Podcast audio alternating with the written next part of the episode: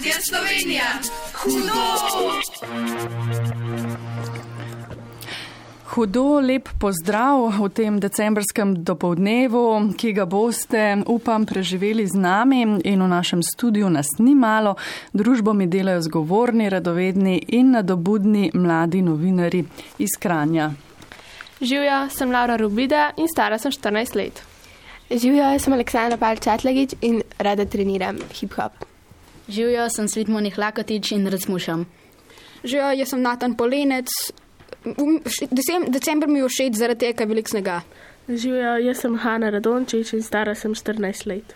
Živijo, sem Eva Subatič, um, hodim v 9. razred in decembr imam rada, ker je velik snega, pa vzdušje mi je všeč. Pozdravljeni, sem Jon Lampe in imam rad vesel decembr.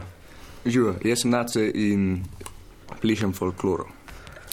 Pa prihajate z Ošem Matija Čopa, Kran. Osnovne šole Matija Čopa Kran.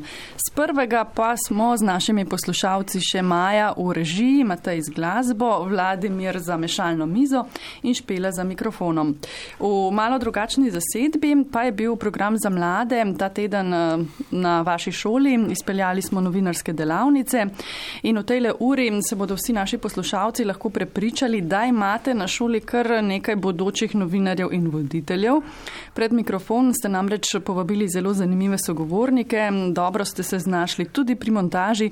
Dogovorili ste se, da pokličemo tudi uspešnega slovenskega režiserja. Ampak zaenkrat izdamo le toliko, pa še našo telefonsko številko nič 1 475 22 22, ki je namenjena mladim poslušalcem, da nam poveste, kako ste in kaj menite o temi današnje oddaje, da odgovorite tudi na naše nagradne vprašanje in našim gostom mogoče zastaviti kakšno vprašanje. Omenili smo temo današnje oddaje, pa me zanima torej, kakšno temo ste si izbrali za vašo oddajo. Laura. Mi smo si izbrali praznovanje v zimskih časih, vsi običaji, uh, zato ker je ta čas nekaj posebenega, ker, vsi, ker je ta čas za družino, s katerimi se veliko zberemo okoli mize uh, in kaj dobrega pojemo. Pa me zanima, Aleksandra, je bila to vaša ideja ali mogoče od vašega učitelja? Ja, pa odločili smo se bolj tako soglasno. Torej, je december vaš najljubši mesec? Mislim, jaz ne maram decembra, ker je sneg. Mrzlo, to ti ni všeč? Ne, jaz ne maram snega. Ampak svit mislim, da je rekel, da smuča, ne? Se Ja, pravi, tebi je pa všeč, ne? Ja. Torej, eh, decembrsko vzdušje bomo poskušali pričarati s pogovorom o starih in novih običajih, pa v navadah v decembrskih prazničnih dneh, pa v peki brezglutenskega peciva. Poklicali bomo enega zelo zanimivega gosta, pa vam zastavili nagradno vprašanje in še marsikaj zanimivega.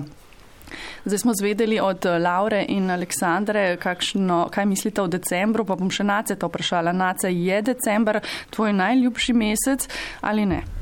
Ja, odvisen, kaj delaš v decembru. a ne. Uh, praznovanja so super, a ne? vse to sam v šoli je pa takrat veliko cenjevan, pa je zato malo bolj slabo. No. Ali so božično-novoletni prazniki, pa tudi počitnice tisti, ki december obarvajo vsaj nekoliko bolj veselo, slovesno, čarobno, Jon? Ja, vsekakor se meni to zdi um, pomemben del decembra. Um, vsekakor je dobro tudi, če je sneg, ker potem pričara še neko dodatno vzdušje. Uh, bi pa rekel, da so vse te tri dobri možje, um, zato je decembr znan in mislim, da je zato uh, veliko otrok najbolj uh, veselo, ko pride decembr in je njihov najljubši mesec. Tudi tvoj? Uh, ja. Um, Eva, tebe mraz decembra ne moti. Um, ja, mislim, če je sneg, pa se pač navaden, ker tudi v bistvu imam rada sneg, pa igra na snegu um, z otroki. Pa tako, drugač pa ja, ni pa dobro, ker se rabim sto let pripravljati, ne, da grem ven, pa na mrz, pa še pa polka pridem dan pod deko, pa vročka ga spijem. Koliko snega pa imate zdaj v Kranju? Ja, zdaj ga ni več, ker se je v bistvu že povsem stopil, mogoče so kakšne ke- kepe snega še ob cestah, drugač pa ne več. Hanna, ste, eh, ko je bil sneg, naredili kakšnega snežaka pred šolo, ste se kepali ali ga ni bilo dovolj? Um, ja, prvi dan smo se malo kepali, pa je bil pa v bistvu že dež, pa je ta sneg tako malo strjen postal, pa ni bilo več, mislim, da nismo mogli več delati pa s tem snegom. Pa si ti tudi vesela, da je že december, da se bližajo prazniki, kmalo pa prihaja tudi prvi dobri mož na obisk, če ste bili seveda pridni. Ja, jaz sem v bistvu se zelo veselim vsak let decembra, um, tudi prvega snega se zelo veselim, um, ker v bistvu res da tako en še tako piko na i temu veselju. Um, in ja, se kar veselim tudi um, Miklauža. Si torej ti boljše volje decembra kot kakšne druge mesece? Um, ja, mislim, da kar sem. Kaj pa ti, Natan? Ja, tudi mi je dosta všeč december, zaradi tega, ker je tudi moj rojsten dan takrat, pa veliko daril tudi lahko dobivam, pa veliko časa imam med počitnicami. Torej, ti samo praznuješ decembra. Ja, več ali manj. Svet, kako pa je s kranjem, je že okrašen, Ljubljana se je okrasila že konec novembra. Uh, ja, um, lučke so že pržgane v kranju, imamo dve jelki, drugi let zapored, po mojem, da v kranju. Torej, um, si si že ogledal središče mesta Ja, in uživaš tudi na, na sprehodu po mestu. ja. sicer malo manjka sneg, drugač pa ja. Ja, kako si ti užival zdaj, ko je zapadel prvi sneg? Um, kepal sem se, to je pa bolj to, ker ni bilo glih dostnega za kakšnega dobrega snežaka. Ti smučaš, ne smučarska sezona se ta vikend začenja, ne komaj čakaš ali. Ja, ko, man, ko mi čakam, da bom šel na smočiše. Aleksandra, um, kaj pa prevaga mogoče, da je decembr kljub temu tak mesec, da mladi v njemu uživate, čeprav je mrzlo? Je pravzaprav po mojem darila, druženje z družino, pa s prijatelji, pa pač, da imamo več časa, čeprav je veliko cenjevan.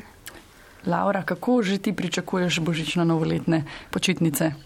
Ja, že kar neučakano. V resnici so te prazniki bolj ali manj moji najljubši.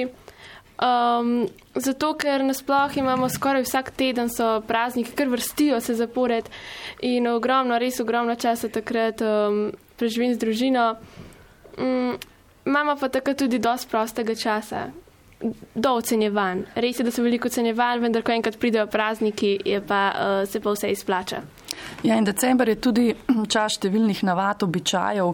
Ponavadi, ko se zberemo v družinskem krogu, imamo kakšno tako navado, ki je značilna za našo družino. Um, vidimo naše sorodnike, tudi o tem bomo torej govorili v današnji oddaji. Tole zdaj za uvod, zdaj pa ena skladba, ki si jo je izbral Liam, vaš sošolec, ki je bil v sredo z nami na novinarskih delavnicah, danes pa ima nogometno tekmo v Kopru. Mislim, da si zasluži en naš pozdrav. Ne? Liam, pozdravljamo te iz Ljubljane. Ja. In tale je tvoja, tuja sicer, ampak zares božična. Program, program, za mlade, za mlade. Hudo! Popolnoma drugačne praznične pesmi, božične bomo slišali v hudi muski, domače in prav tako božične, ampak take s tradicijo. O kolednicah bomo govorili, ampak o tem nekoliko kasneje. No, decembrsko praznično vzdušje, že zdaj bomo ga malce zaiskrili. Um, najprej z vprašanjem, Nace, kaj je tebi najljubše v decembru? Prej ste povedali, kaj vse je dobro, ampak najljubše, na kaj še posebej čakate? No, v decembru mi je meni najbolj, kam imamo Miklauža, takrat gremo si k babici, uh, tam se lepo najemo, dobimo darila in potem zjutraj se poslovimo, pa gremo domov. Jon, pa pri tebi ti je najbolj všeč, da ti nekaj dni ni treba v šolo, je to, da lahko z babico pečeš piškote, da dobiš darila. Uh, meni je najbolj všeč Božič, saj se takrat zberemo cela družina, um, imamo dobro hrano, se družimo, uh, igramo kakšne družabne igre, pogovarjamo in povemo veliko, česar si mogoče med navadnimi meseci pač um, ne moremo, saj se ne vidimo toliko pogosto. Uh, všeč mi je tudi sneg, saj sem tudi sam smučar uh, in pa predvsem to, da smo v tem družinskem krogu. Eva, pa pri tebi najljubša stvar v decembru. So to praznovanja ali druženja s prijatelji mogoče? Ja, meni je v bistvu najbolj všeč vzdušje, te lučke, pa um, jaz si vsak let ukrasim sabo, svečke, um, pa pa tudi v bistvu sneg, pa druženje s prijatelji. Ja. Hanna? Uh, meni je v bistvu najbolj všeč, ker uh, decembra vidim kakšne sorodnike, ki jih velikrat ne vidim um, in se v bistvu takrat podružimo. Um, v bistvu to mi je najbolj všeč, ker res vidim tudi svoje strice, tete, bratrance, sestrične. Malo več časa ne, si vzamemo ja. drug za drugega v tem času. Natan? Meni je najbolj to, da je veliko počitnic, da ne ramo iti toliko šolo. Ja, je veliko ocenjevanja, ampak če malo sediš v prpuku, ni toliko težko. Pa meni je fajn tudi postavljati smrekco, ker ni tako velika. Tako. Svit? Um, meni sta dve stvari zelo fajni. Tako, rad imam narezek, zelo. Tako da mi je zelo prljubljen, ker je božič. Pa včasih gremo z um, prijatelji za nov let um, v Marindol, pa tam praznujemo sam zdaj ne tokrat, kaj korona. Torej, malo smo prilagodili svoje navade ne, v tem času. Aleksandra, tvoja najljubša stvar, dogodek, običaj decembra? Je ja, pravzaprav odvisen od leta, ker imam ločene starše, jaz sem pri mamici, jaz sem pri očetu. Um, če sem z očetom, grem ponavadi v Zagreb k družini, če sem pa z mami, gremo pa k babi pa dediju, pa smo tam za božič. Torej, v družinskem krogu. Ja. In si vzamete čas drug za drugega. Ja. Laura, pa ti? Ja, jaz pa cel decembr, zato ker je ogromno ocenjevanje, vidim toliko družine, pa pa ko pride Božič, pa vidim mamo in nata in babi in dedija, za novo leto pa skoraj vedno preživim skupaj z bratrancem in sestrično. Tako da na koncu čez decembr vidim vso mojo večino moje družine. No. Jaz verjamem, da vseeno tudi dobri možje so tisti, ki nekako popestrijo eh, decembrsko vzdušje. Eh, če mm, so dovoljeni kakšni sprevodi, jim še toliko bolj, no zadnji dve leti je tega manj, a najmlajši vseeno še vedno prav dobro poznajo Miklauža, Božička in detka Mraza. Thank you.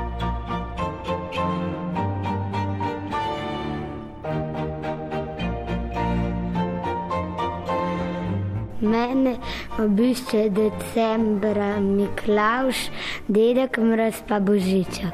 Obiščejo me Božiček, Miklaš in dedek mraz. Dedek mraz pa Božiček. Uh, kateri dobri mož je pa najljubši, pa zakaj? Meni je najboljši božiček, ker nam da darila. Miklaš pa prinese kar tako hrano, naprimer sladkarije ali pa kakšno sadje. Če pa nisi pridem, pa ti pa prinese sabo parkle. Pa noč ti ne prinese daril. Kaj pa tebi Miklaš ponavadi prinese? Meni kdaj prinese sladkarije, pa kakšno sabo. Um, kdo pa pride zraven Miklaža še? Poleg Miklaža pride na obisk parkel in angelček. A te kaj strah parklov? Ja, pol velik. Zakaj pa? Zato, ker so to grožnje, pa ima dolg jezik. Ja, lahko delajo močne more. Kako pa zgleda parkel?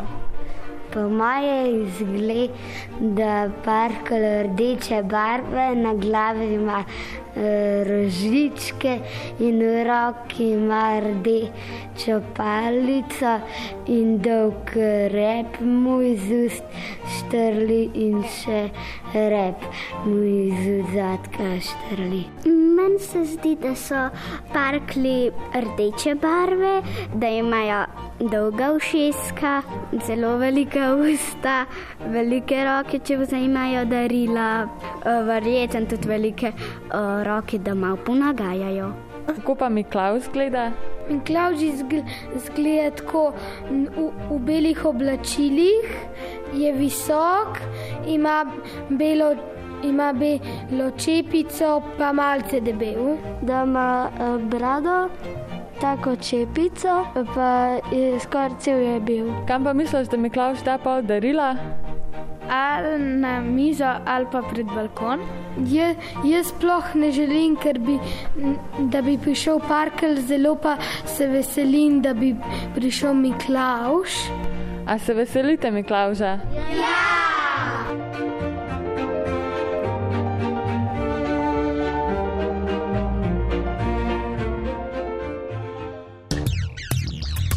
Program, program, za mlade, za mlade. Hudo!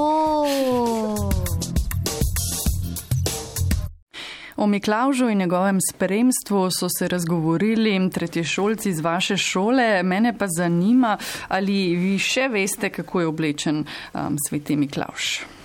Jon. Uh, ja, Miklauž ima to značilno belo obleko, um, na glavi ima kapo in v roki ima neko palico um, verskega pomena, se mi zdi. Um, ponavadi ga obdajajo uh, parkli in uh, angelčki. Um, praznujejo ga pa po, predvsem v srednji Evropi, uh, saj je tu uh, verska podoba krščanstva največja. Ja, v roki drži škofovsko palico, ima belo haljo na glavi, mitro je pa pač zelo darežljiv, prinaša pa darila iz se pravi 5. na 6. december, pa me zanima, prinese darila samo pridnim otrokom. Ste bi bili vi letos pridni? Tiho ste. Ja, ja. ja. ja. Ga bomo prepričali, ne? da še vam prinese darilo. A, a vam prinese kaj? Še zmeraj ohranjate to, čeprav ste malo večji nace. Ja, vsak let je presenečenje. Ne, ne veš, če boš kaj dobil ali, ali pa če boš kaj dobil. Pa ponavadi tvoji eh, starši ocenijo, da si bil priden dovolj. Ja, za kakšno ja. majhno pozornost? Ja, do zdaj je, ja. letos bomo pa videli. Ste se uh, bali spremstva parkalnov, Jon, ko ste bili mlajši? Uh, ja, jaz, ko sem mlajši, sem živel na vasi, um, tam je ta običaj še bolj uh, razširjen in uh, parki tudi sami brez Miklauža uh, hodijo po vasi in uh, poredne otroke strašijo, da bi bili naslednjo leto bolj pridni. Um, sicer mi je pa to zelo, um, zelo zanimivo in všeč mi je ta uh, način praznovanja s parkalni, ker um, da ni samo dobro, ampak da tudi um, poredni otroci um, so nekako izpostavljeni, da tudi bo naslednjo leto bolj pridni in bodo tudi oni dobili dalira. Ti si se tega držal. Uh, ja, so se poskušali. Ste naučili. Ja, ja. Um, tako, zdaj pa prisluhnimo še enemu pogovoru, ki ste ga posneli na šoli. Um, k sebi ste povabili sogovornico, ki kar precej ve o tem, kako so december preživljali včasih. Pozor, pozor, po pogovoru vas bomo povabili, da nas pokličete in odgovorite na nagradno vprašanje. Ena lepa nagrada vas čaka, tistega, ki nas prvi pokliče in prvi pravilno odgovori na naše vprašanje. Um, ima pa to vprašanje opraviti nekaj z Lucijo. Nič 1475-22-22 je naš telefon, mogoče že kar povemo nagradno vprašanje, da boste res lahko dobro prisluhnili pogovoru. Kdaj je Lučka obdarovala otroke z lučjo? Če ne veste, o čem govorim, prisluhnite pogovoru, ki so ga posneli učenci osnovne šole Matija Čopa Kran na svoji šoli. Program, program, za mlade, za mlade. Hudo! December ponavadi ponuja številne prireditve, sejme, kulturne dogodke in delavnice, ki nam popestrijo in polepšajo praznični čas. Nekoč pa so bili decembrski običaji drugačni. Kakšni bomo izvedeli od gospe Urške Košir, vodje prazničnega programa za mlade v stolpu Pungato Kranjo. Lepo zdrav. Živja. Kakšen je po vašem mnenju pomen decembrskih praznikov? Ja, novembra se ura prestavi na zimski čas, kar pomeni, da zelo veliko ljudi vstaja o temi, potem gre delati in pridejo domov spet ob temi, kar pomeni, da se tema naseli vse kotičke našega življenja, da če ne bi imeli teh praznikov, bi verjetno naše življenje potekalo precej bolj duhamorno, kot pa poteka, če se imamo česa zaveseliti. Se mi zdi pomembno, da prazniki obstajajo tudi za vas, tudi za počitnice, da obstajajo, zato ker takrat lahko malo vdihnete, pa se posvetite tistmu, kar je dejansko pomembno, to je pa vaša dušica, niste samo um, iz fizičnega telesa, ampak imate tudi neko notranjo komponento, ki mora živeti, če želite živeti lepo in dobro. Kakšne navade, običaji in tradicije so bile v tem času značilne za naš kraj in okolico? Torej, vsekakor mislim, da so trije dobri možje, tisti, ki jih poznate vsi, ki so še danes vse prisotni. Um, vsekakor verjetno poznate, da se pred prvo adventno nedeljo spletajo adventni venčki. Včasih pa so v naši okolici tudi v Kranju praznovali tepežni dan, to ne vem, če veste. To je bilo 28. decembra, ste otroci vzeli šibe in ste najprej pošibali mamo in ata, potem pa sosede in vse ostale odrasle in seboj so otroci nosili eno malho, v katero so dobivali darila, orehe in vse take stvari. Starši so se seveda zavedali, da to ni tepeškanje, zato ker ne bi bili pridni, ampak da vsaka šiba, ki jih je poknila poriti, je prinesla srečo in veselje in zdravje v okolico vseh tistih, kateri so bili tepeni. Drugač pa ena zelo, zelo lepa uh, gesta oziroma eno zelo lepo praznovanje je praznovanje Svete Lucije, ki se pa vsako leto dogajalo na predvečernjinega godu, to je bilo 12.12. 12. zvečer. Lučka je ime te gospodični in je bila včasih tako kot Miklauš, pa dedek Mrz, pa uh, Božiček, obdarovalka otrok svetlobo, torej nosila je luč da ste potem lahko prižigali lučke na smrečicah, tako da ti običaji so bili pri nas opevani in obiskovani in smo se imeli lepo, oziroma so se imeli lepo. Kateri tradicionalno decembrski običaj je pa po vašem mnenju med nami najbolj zašel v pozabo? Ja, meni zelo ljub običaj je tale umetnina gospodična, torej lučka, Lucija je otrokom ponavadi spekla žafranove kolačke, pela je kolednice, torej božične pesmice.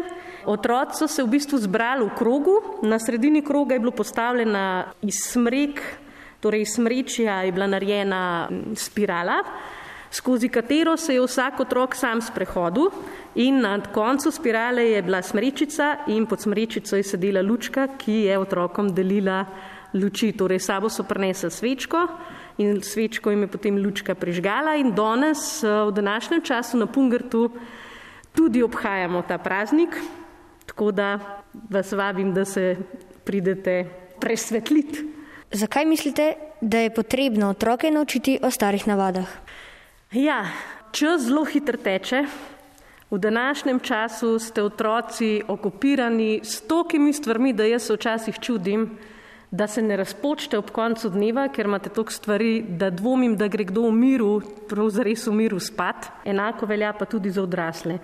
In če se vrnemo na ta advent, ki se začne na zadnjo nedeljo, oziroma štiri nedelje pred Božičem, advent nas uči, da je treba čakati. Torej, ne moramo preskočiti kar na Božič, ampak čakamo, pričakujemo, smo tiho, poslušamo, druge ljudi okrog nas, poslušamo naravo, živalice in tega nam manjka. Mi v bistvu nimamo več potrpljenja za nič drugega kot samo zase in advent in vsi ti prazniki nas učijo, da se je treba ustaviti in da ne moramo preskočiti nobene stvari, če želimo uresničiti nekaj malega, kar smo si zaželeli v življenju in da to včasih tudi predstavlja ogromno truda. Tako da to bi jaz rada predala vam mladim, da ne gre vse hitro, da je v redu tudi, če je počasi. Kakšen praznični program pripravljate za otroke v stolpu Pungard? Tale naš stolp vodi ena ekipa, ki verjame, da moramo otroke, družinice, starše, odrasle izobraziti v tem, da se bomo spet slišali. In naš celoten program je zasnovan tako, da se čim večkrat družimo, da se družine bolje slišijo, da so bolj povezane, Tako da k nam lahko pridete na sobotne jutranje delavnice, um, ki so povezane z božičnimi temami. Pekli bomo piškotke, delali bomo take okraske, ki bodo prijazni ptičkom, torej da jih boste lahko obesili zunaj in bodo imeli ptički tudi kaj od tega. Uh, naredili bomo svoje jaslice.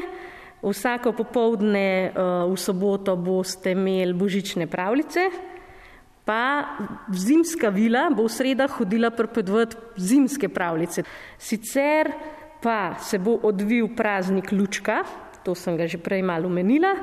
Potrebne bodo prijave, zato ker smo v takih časih, ki to zahtevajo. Drugače pa pri nas v stolpu lahko tudi prespi in sicer 29.12. boste imeli pižama parti in če boste pridni, vas bo obiskal tudi dedek Mraz. Hvala za pogovor in lep dan še naprej lepo se majte, pa čim več luči v teh prazničnih dneh. Kaj pa ti to poslušaš? Kaj ne veš? Hudo. Ja, itak. Tole je bila Urška Koršir, ki ste jo posneli na šoli. Mislim pa, da nam sploh ni treba še enkrat ponoviti našega nagradnega vprašanja, zato ker je z nami že Ajda na nič 1, 4, 7, 5, 22, 22 nas je poklicala. Ajda, lepo zdrav. Zdravo. Potem ne, rabi, ne, ti ne rabimo povedati še enkrat uh, nagradnega vprašanja. Poznaš odgovor? Ja. No, prosim. Z lučko. Z lučko in svetlobo. Naše vprašanje pa je bilo, kdaj je prinesla obdarila otroke z lučko in svetlobo. Datum. 12. Tako, ja, 12. decembra, čeprav seveda Sveta Lucija goduje 13. decembra. Ajda, zdaj imaš pa na izbiro, katero nagrado si želiš, velja. Um, gospa Košir je ponudila, da lahko brezplačno se udeležiš dogodka v stolpu Pungrt, ki ga je omenila, torej da prespiš v stolpu in da vas obišče dedek Mraz, seboj lahko pripelješ tudi brata, sestro ali pa prijatelja, prijateljico. Če pa nisi iz Kranja, pa ti lahko ponudimo, da ti eno radijsko nagrado uh, pošljemo. Kaj boš izbrala? Uh, radijsko nagrado. Radijsko nagrado. Odkud pa kličeš, Ajda? Iz slovenskih konic. Uh, to pa je res daleč, ne? Imajo uh, pa naši mladi novinari tudi zate eno vprašanje. Te lahko vprašajo nekaj? Ja. Jon, boš ti vprašal? Uh, kako pa ti ponavadi praznuješ decembra? Kateri so tvoji najljubši dobri možje? Moji najljubši možje so Božiček in Miklaus. Pa si bila pridna to leto, Ajda? Ja. ja. Kdaj pa vi doma okrašujete jelko? Je to 24. decembra šele ali mogoče že kaj prej? 24. decembra. Mhm. Pa pomagaš ti pri tem? Ja. Prej je nekdo od naših mladih novinarjev, mislim, da Eva je rekla, da okrasi si tudi sobo. Tudi ti kaj takega narediš? Ja. S čim pa si okrasiš sobo? Uh, uh, z takimi trakci, božičnimi, pa, pa kakega božička ali pa kaj na list narišem, pa pa obesim na okno. Lepo, Ajda, no tudi letos ti želimo, da bo tvoja soba izgledala čim bolj praznično v teh mogoče malo manj sproščenih časih. Lepo zdrav slovenske konice, če sem si prav zapomnila. Ja. ja. Lepo se imejte ti in tvoja družina. Nagrada pa seveda pride po pošti. Um, Ajda je pravilno odgovorila na naše vprašanje. Jaz imam pa vprašanje za vas, Aleksandra. Ti veš, kaj je to torej, tepežni dan, kdaj se pre, kdaj goduje sveta Lucija? Si ti to prej poznala ali je to nekaj novega? Ja, to je za me prezbroniki novega. Hmm. Uh, Hanna, pa ti si že slišala za to, da lahko šibo uh, greš nad starše, če lahko tako rečem? Um, ne, v bistvu res nisem. Zdaj sem se veliko novih stvari naučila. Um, mislim, slišala sem že za kakšne te običaje, ampak za ta tepežni dan pa res še nisem. Natan, ti si snimal, ne, gospod um, Koširt. So te njeni odgovori kaj presenetili, si jo poslušal z velikimi ušesi? Uh, ja, sem bil kar presenečen, da je bila to stvar takrat, ampak je tudi malo logičen zaradi tega, ker takrat so tudi starši otroke tepali, pa da je tako malo fer. No, to pa je unikatna razlaga vsega tega. Mogoče, preden gremo mi naprej, še ena zanimivost o godu svete Lucije je tudi ta, da so ponekod pekli Lucijin kruh ali pa so na ta dan, torej na 13.12. posejali žito, drugod pa so bili prepričani, da zna sveta Lucija celo napovedovati vreme. 12 dni od svete Lucije do Božiča naj bi napovedovalo vreme za 12 mesecev prihodnjega leta. Torej, vreme prvega dne naznanja vreme v januarju, vreme drugega dne, vreme v februarju in tako naprej. Pa še nekaj zanimivega sem našla, ko sem brala o njej v Sloveniji, je posvečeno prav 12 crkva. No, ne smemo pa pozabiti, ko smo ravno pri verovanjih in običajih. Danes je dan svete Barbare, poznate to? Ne. Ne. ne. No, tudi pri njej na ta dan naj bi narezali češnjeve vejice in jih dali v vazo in če cvetijo do božiča, bo to leto posebno srečno. Evo, pa imamo nekaj teh verovanj starih, ki, kot vidim, niso med mladimi najbolj popularni ali kako. Ja. Vi imate radi, raje možeja, ne, ki prinesejo ja. kakšno ja. darilo. Ja. Mm. No, tudi v prihodnjih minutah bomo povezali preteklost in sedanjost. Druga skupina mladih novinarjev z osnovne šole Matija Čopa Kran je imela za nalogo posneti anketo med odraslimi o tem, kako so nekoč praznovali praznike v decembru in kako jih danes. Kakšen je vaš način praznovanja decembra? Zelo v družinskem krogu ga ponavadi preživimo, ponavadi gremo v naravo, sploh če so kakšne snežne dejavnosti prisotne. Skratka, hribi, drsanje in družinski krog. Praznujemo ga v družinskem krogu, vsako leto ostanemo doma, pečemo piškote, igramo družabne igre, pa se imamo lepo. Trikrat ga po svoje praznujem, uh, Miklauža Božič, pa novo leto praznujem pa še vmes uh, ima sin rojsten dan, tako da imamo kar praznovanje. Povprečno slovenski. V okviru družine, pa kakšnih ožjih prijateljev, sploh pa zadnje leta zaradi te situacije, jaz mislim, da to še bolj velja. Vedno pečemo piškote, pečemo potico, se mal več družimo v krogu družine, tudi mogoče kdaj širšega sorodstva. Ponavadi se dobimo skupaj z družino, moji starši, moja sestra, njeni otroci.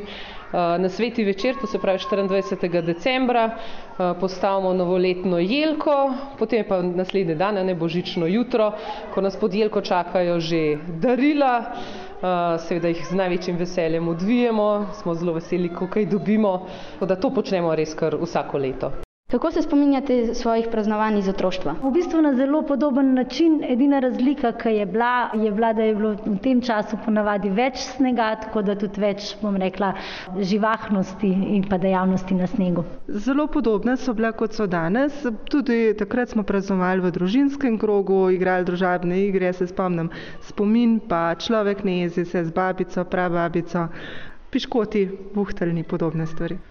Ja, največ se spominjam Božiča kot en družinski praznik, pa obiski, pa čarobna jelka, pa darila, pričakovanja, presenečenja. Prva stvar to, da Božička takrat ni bilo, da smo imeli samo detka mraza.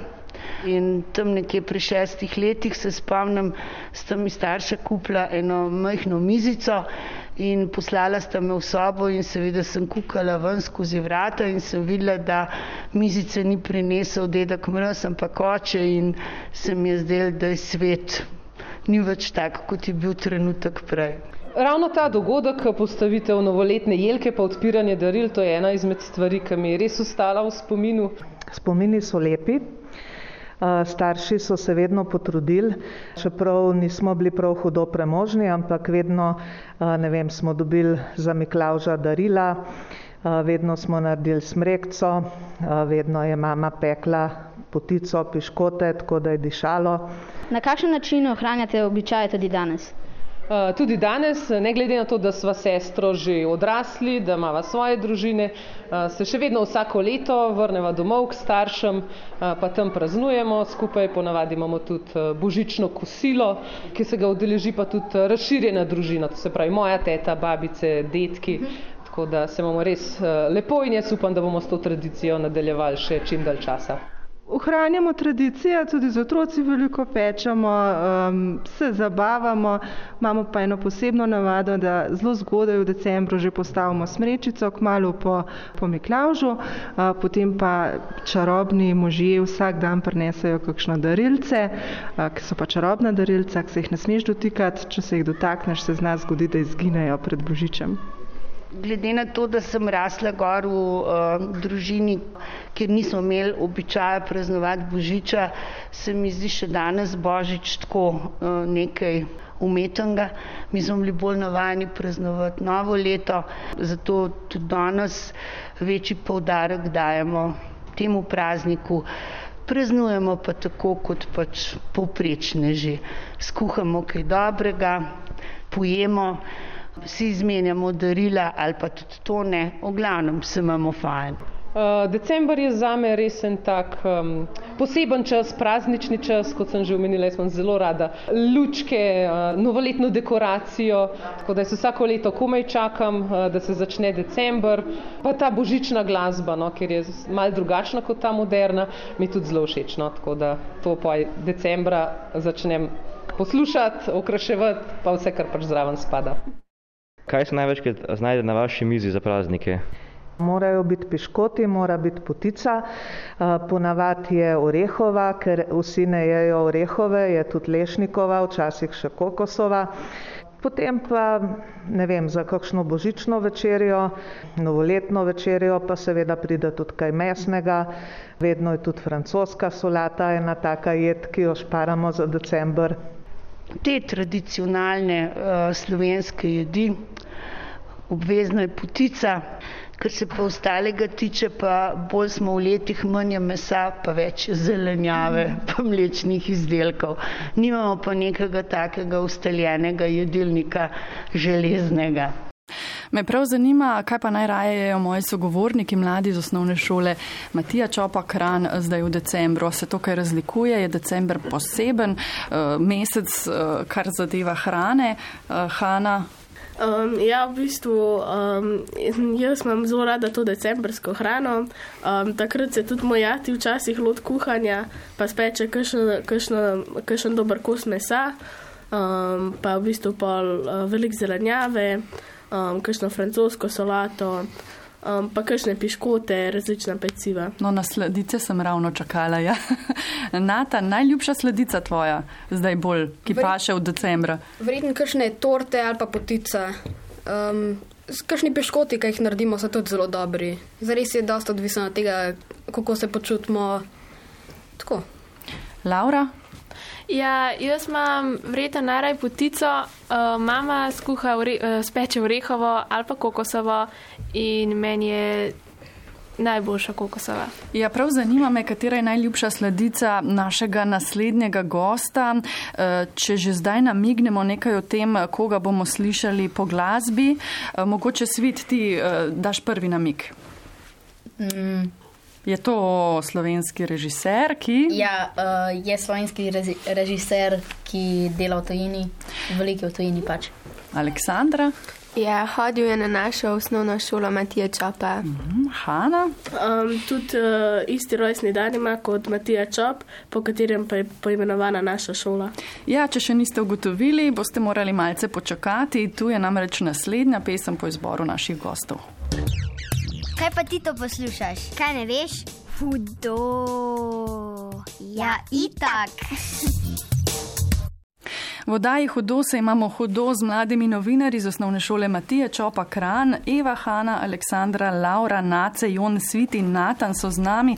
Na telefonski zvezi pa se nam je pridružil režiser in scenarist Mitja Okoren. Lepo zdrav.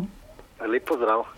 Mitja, prej smo našteli, kaj vse vas povezuje z našimi gosti. Ne hodili ste na isto šolo kot oni, rojstni dan imate takrat, kot ga je imel Matija Čop. Nikoli ne zamudite priložnosti, da ne bi učencem vaše nekdanje šole popestrili kakšen dan ali dogodek. Vaši spomini na osnovno šolo morajo biti torej zelo lepi. Ja, super je bilo. Še posebej, ker sem tam posnel svoj prvi film, tu pa tam. Velik spominov. Ja. Torej, kar eh, se vračajo poti tudi vaše v Kran in na šolo.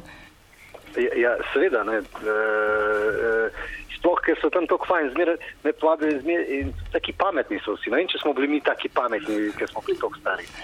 Ja, zdaj le se eh, mladi novinari nasmihajo, imajo polni za vas, ker so tako pametni. Ne? Tudi vprašanja, seveda povezana z našo uh, temo, to so božični običaji. Nace pa vam bo zastavil prvo vprašanje. No, mene pa zanima, uh, kje sledico imate najraj decembra?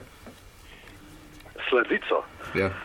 Uh, Kaj pa vem, eh, na, tle na polskem, kjer sem, te, te, te sledice eh, niso tako običajne, ker oni imajo ti zelo, kako se reče, krščanski, imajo teh 12 eh, eh, jedi, ki jih morajo jesti in to je to. In, in, eh, tako da jaz mi raj prijem v Slovenijo, ker moja mama naredi, kako se reče, eh, kuro. Ne? Pšanca, pa, pa, pa, pa, pa pražen krompir, klele imajo pa, kle pa recimo mesa na mož, mislim, ne jejo za, božič. Ne. Tako Da, Kaj pa sladice tudi ni?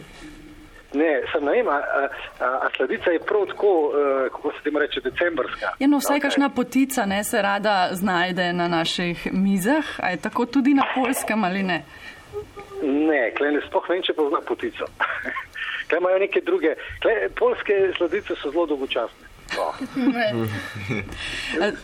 Oziroma, če že govorimo o no najraje imam njihov sirnik, če je dobro narejen, kako se to reče po slovenski. Mhm. Cheesecake, cheesecake.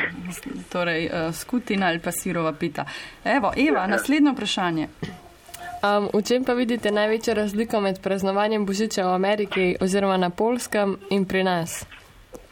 Ja, v Ameriki temu se reče Coca-Cola božič, ne. Je to, je to tako, ka, uh, kako se temu reče, Valentine's Day, se pravi Valentinki, ali kako je to pri nas. Uh, um, na polskem je, je uh, to najbolj, uh, to pa, kako se že, je že aprila, velikonočni prazniki, se pravi božični pa velikonočni, to je, to je sveto. Kle, uh, um, Jaz si tako poznam te praznike v nulo, zato ker sem mogel narediti film pisma svet, eh, svetemu Nikolaju in se spomnim, da sem uh, za Božič recimo v Varšavi nobenega ni, zato ker zelo malo ljudi je iz Varšave. Vsi živijo nekje um, izven Varšave in potem se vračajo v družinam. Edini jaz sem pa vstal tisti en Božič in sem rekel, da bom preveril, kako uh, Božič zgleda. Um, na polskem. No? In, in imajo tukaj recimo eno pravilo, da, da moraš zmeraj imeti en pogrinek za ne, nepričakovanega gosta. Ne? in jaz sem potem uh, kar pozvonil na, na, na, na par domovih in tam, kjer je bil nekdo doma. Sem rekel, da sem jaz zdaj nepričakovani gost in da nimam nobenega in uh, če lahko z njimi uh, preživim Božič. In sem, in sem s temi ljudmi preživel Božič in to je bilo nekaj najlepšega. Ne? No, in oni to tako, se pravi, imajo res, imajo uh, uh, mizo, pogrin, ki je povsod, en, enega za nepričakovanega gosta, no, uh, za nepričakovanega gosta. In, in, in potem teh 12 jedi, to vse naenkrat polna miza, in potem uh, uh, so, se spomnim, da, so, da je oče družine ali, ali, ali uh, nekdo v družini vzel Biblijo in začel uh, tudi prebirati iz Biblije zgodbe, svetopisamske. Uh, in, vem, to je bilo za mene uh, nekaj najlepšega.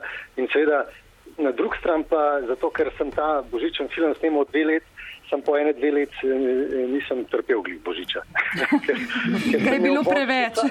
Vsa, vsak dan sem imel božič dve let skrb. Aha, um, Aleksandra? Jaz imam pa še eno vprašanje. Omenili ste, da je bila miza polna sl- eh, hrane, a ne? Ja, ja. Um, a ste imeli tudi sladko solato, glede na to, ker jaz sem bila letos na Polskem in imajo zelo sladko solato. A je tudi za božič prvič tako, da imate sladko solato na mizi? Ali? Po, pojma nimam, ker jaz ne maram glik solate. ne, vem, ne vem, kakšna je bila. Vse, kar je zelen, pa preveč zdrav, je za mene. Mislim, čeprav za izleti skozi več jem tudi tega, ker eh, še posebej doma hočejo, da sem bolj zdrav. ne. Ampak eh, po, polske solate so čudne, ampak jaz si tek zmer naročim, kako se reče tole z, z borato, sirom ali pa kaj tasga, ki pa niso tako sladke. Torej, mi bomo kar verjeli Aleksandri, da imajo tam eh, sladko solato. Uh, Jon, naslednje vprašanje. Uh, Pozdravljeni, uh, katero je bilo vaše najlepše praznovanje Božica oziroma novega leta do sedaj? Uh, Ampak še enkrat, ker sem nekaj prekinil. Uh, ja, uh, katero je bilo vaše najlepše praznovanje Božiča oziroma novega leta do sedaj? Uh, jaz moram reči, da eh, razen tega, ne, jaz sem, sem bil zmeraj, um, meni so zmeraj te praznike z- znervirali. a ne. Zato, ker uh, se, se more nekje biti, se more nekaj delati, vse tako, ne, ni nič spontano. Uh, uh, jaz imam velik stres, ker moram darila kupovati, to je za mene. To je za mene tak stres, ne. Zato, ker jaz smer, ko vidim, o, jaz bi pa tole kupil nekomu, jaz takrat kupam in poj to dam, a ne. Kaj moš pa, ne, ne, ne, zdaj pa treba za vse darila kupiti, ne, in zdaj moš kar na silo se spomniti, kva nekdo hoče, a ne, ni tako spontano vse. In, in v bistvu uh, je bil za mene, so bili zmer te prazniki velik stres. a ne. Zdaj, ker imam pa e- enoletnega otroka, pa dojemam uh, foro, kaj je božični praznik.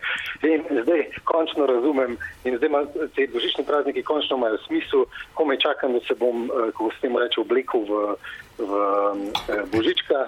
Ne, to bo super. Uh, mislim, zdaj še ne razume čez do konca, ampak mogoče že tudi letos uh, bi bilo fajn, da so bližnji božični. Tako da v bistvu najboljši božični uh, prazniki, oziroma prazniki pa božič prihajajo v moji prihodnosti, oziroma ta letos bo najboljši. In vsako leto v tem naprej, ne? Moramo ja, ja, ja. tako optimistično evo, biti. Ja. Še eno vprašanje ima pa Nace za vas kje, boš, kje boste preživeli božič in novo leto, a ne nace? To, to te zanima? Na polskem ali kje drugi? Ne, ne, v Sloveniji gremo zato, ker eh, babice in detki pogrešajo, pa tete in strici in vsi ostali pogrešajo ne mene, ampak eh, eh, vnučka oziroma kako se reče. Eh, nečak, se ne vem. To. Ampak se pravi, mojo ščirko pogrešajo. Tako da, tako da pridemo v Slovenijo, uh, praznovati božične praznike, se jih v bistvu večkrat. V bistvu sam takrat, ko sem delal ta film, nisem bil za božič v Sloveniji. No, pa ko smo spet omenili ta vaš film, ne, ki je bil pravi hit, eh, bil je najbolje gledan film tistega leta, torej 2011 na Polskem, pa drugi najdlje predvajan film o polski kinematografiji. Eh, pa me zanima, mislite, ker ravno govori ne, o tem dnevu pred Božičem in Božični dan, um, je tudi to mogoče pomagalo k tako dobri sprejetosti filma? Uh, de, definitivno, uh, ampak predvsem. Tle so bili te romantične komedije, so bile tle zmeraj malo butaste. Ta je bil pa tako narejen s srcem, pa, pa smiselno, pa dober film. In ne samo, da so normalni ljudje ga imeli radi, ampak tudi uh, kritiki so bili čisto navdušeni. Tako da, uh, uh, tako da definitivno je, je, je, ampak zakaj to govorim? Zato, ker potem so naredili še deset drugih božičnih filmov, ker so hoteli ko več železo, dokler je vroče, kako se to reče, ne, po slovenski. Jaz se pračujem, malo sem slovensko znabo. Uh, no in, in so hoteli kovati železo, dokler je vroče in te filme niso bili tako uspešni. Ne. Edini film, ki je za Božič uspešen, je pisma Svetemu Nikolaju in štir, in, in štir, ne, štir nadaljevanja tudi so vsa mhm. uspešna, zato ker ljudje so se zaljubili v te karakterje, v, v, ta, v, v ta format, da se vse dogaja v enem dnevu. Uh, in, in to jim všeč. Ampak vsi drugi filmi, ki so na božič bili narejeni, uh, so bili uh, porazni. In zdaj to je postala že tradicija. To je tako, kot vsak let slišiš na radiju Last Christmas od George Michael uh, ali pa gledaš Kevin samo v domu, se pravi Home Alone. Uh, zdaj vsi gledajo pismo svetemu Nikolaju. Na, najbrž bo tako tudi letos. Mitja Okora, najlepša hvala za tale pogovor in um, srečno torej na Polsko in potem v Slovenijo. Okay, eh, hvala za povabilo. Hvala, da Ja, tako zdaj pa malo glasbe, potem nam je pa ostal še en prispevek, ki ste ga posneli na vaši šoli. Čas pa kar neusmiljeno teče, deset je že ura. Prvi program Radia Slovenija. Hudo! Nekaj smo o sladicah v tem času že povedali, um, vsaj decembra na mizo uh, pridejo um, tiste najbolj slastne, vsaj po mojem mnenju.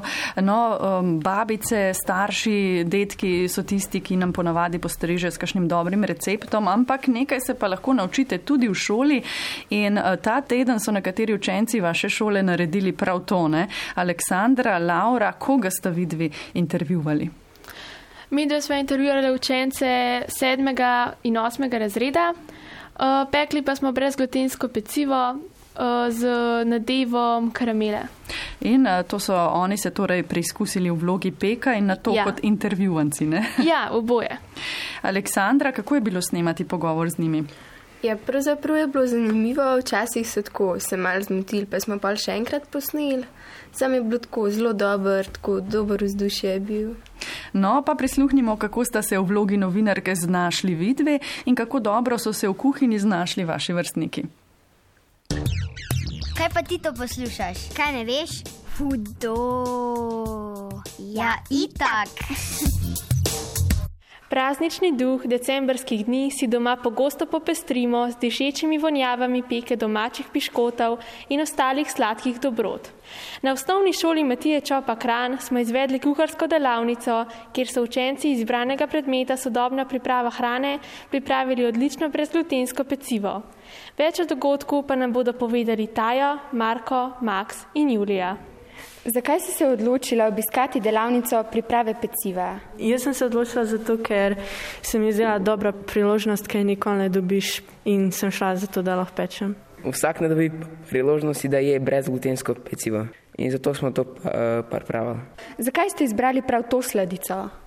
Ja, kuharica je v bistvu v zbornico prinesla to pecivo, učitelj pa sploh ni vedel, da je brezglutensko.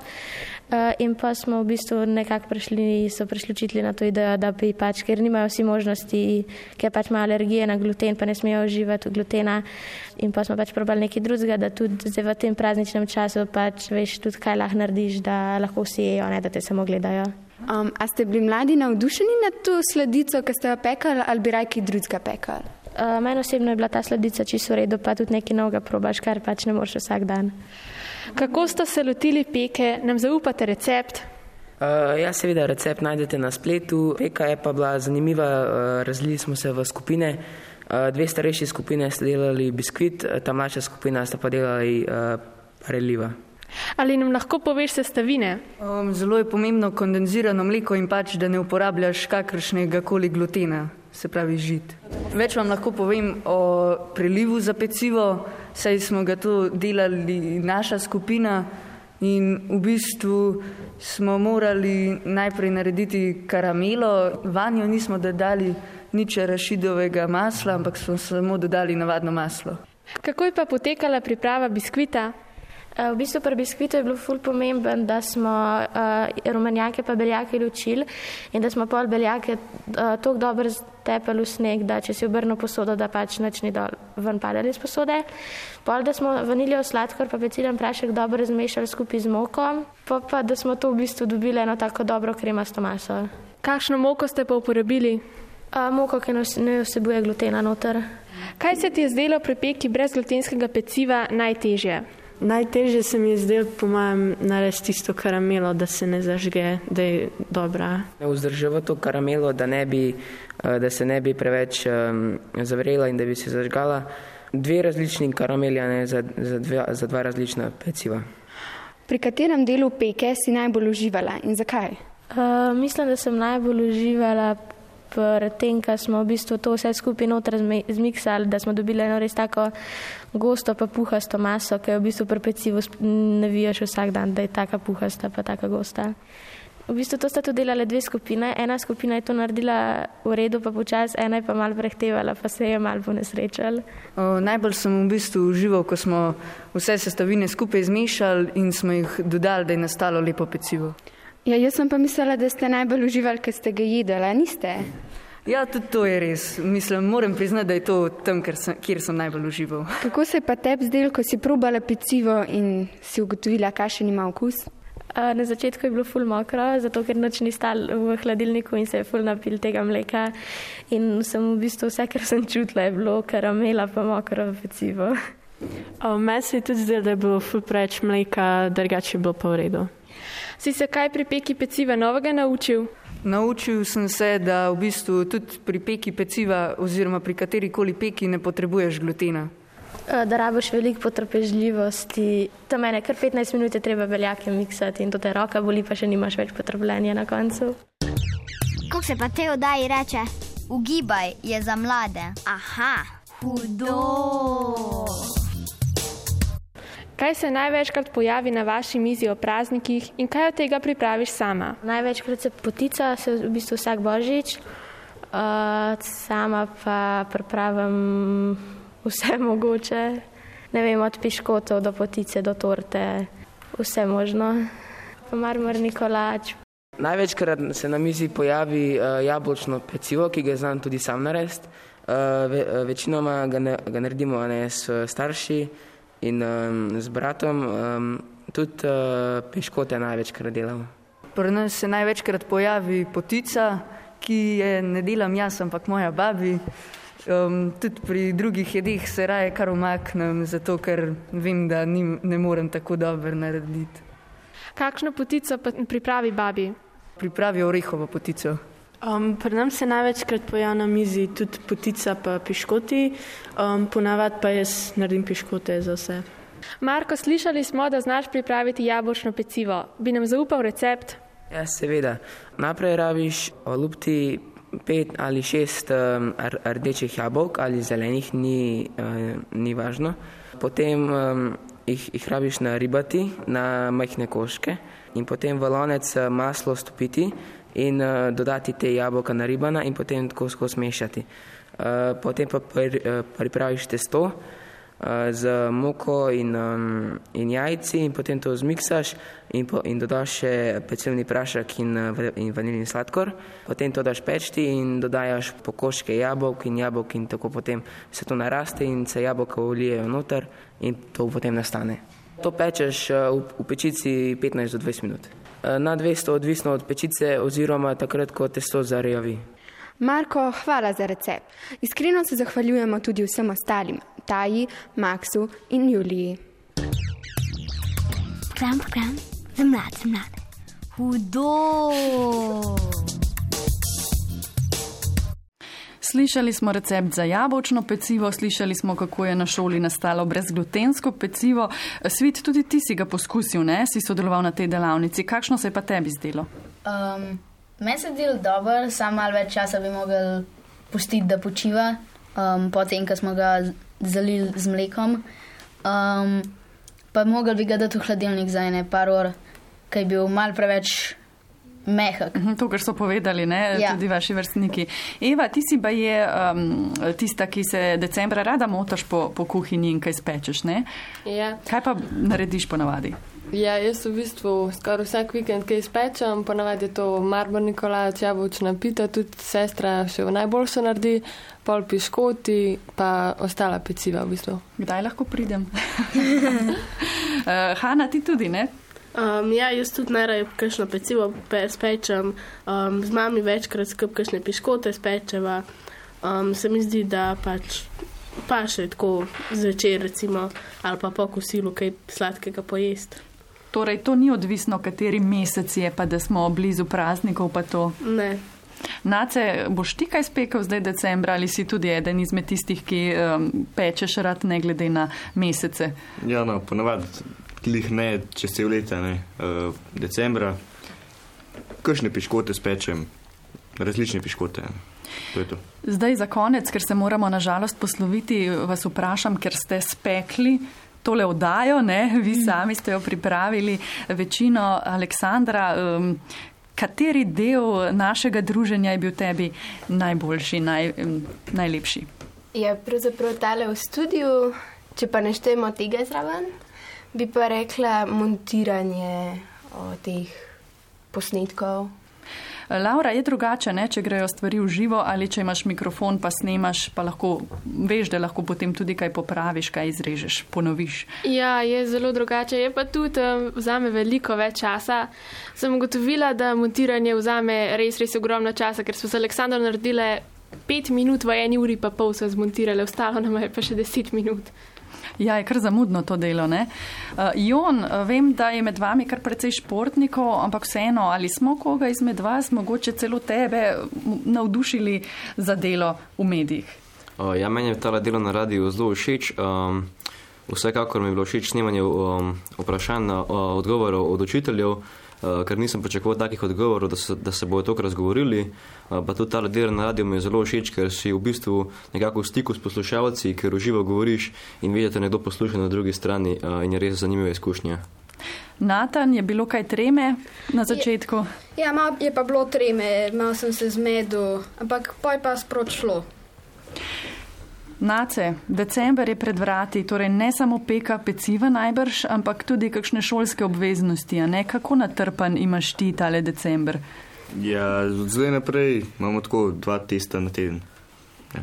In se že učiš? Ne. ne. uh, Hanna, pa ti eh, bo težko dočekati počitnice, je veliko stvari na Ja, urniku. res je v bistvu še cel kup spraševanj, poleg testov, um, tako da se res vsak dan bolj veselim počitnic. Svet, pa ti, počitnice. Ja, ko mi čakam. Uh, Laura, Ja, siguren. Um, sam ta mesec moramo še prijeti čez. ampak potem bo pa tu že kmalo januar, pa spet ne. Ja, ampak januarja ni več tako hudo, kaj je nova konferenca. Tako najlepša hvala vsem, da ste prišli na prvega. Hvala vašim staršem, da so vas pripeljali v Ljubljano na Radio Slovenija. Eh, Hvala vašemu učitelju, ne, Petru Tratniku, da je poskrbel, da smo se družili v tem tednu. Um, nekateri seveda uh, ostajamo še naprej z našimi poslušalci. Vam pa res najlepša hvala, pa upam, da se še kdaj srečamo, glede na to, da ste bili tako super sogovorniki. Najlepša Lepo hvala. zdrav. Hvala enako. Hvala, naslednje. Prvi program Radia Slovenija. Hudo!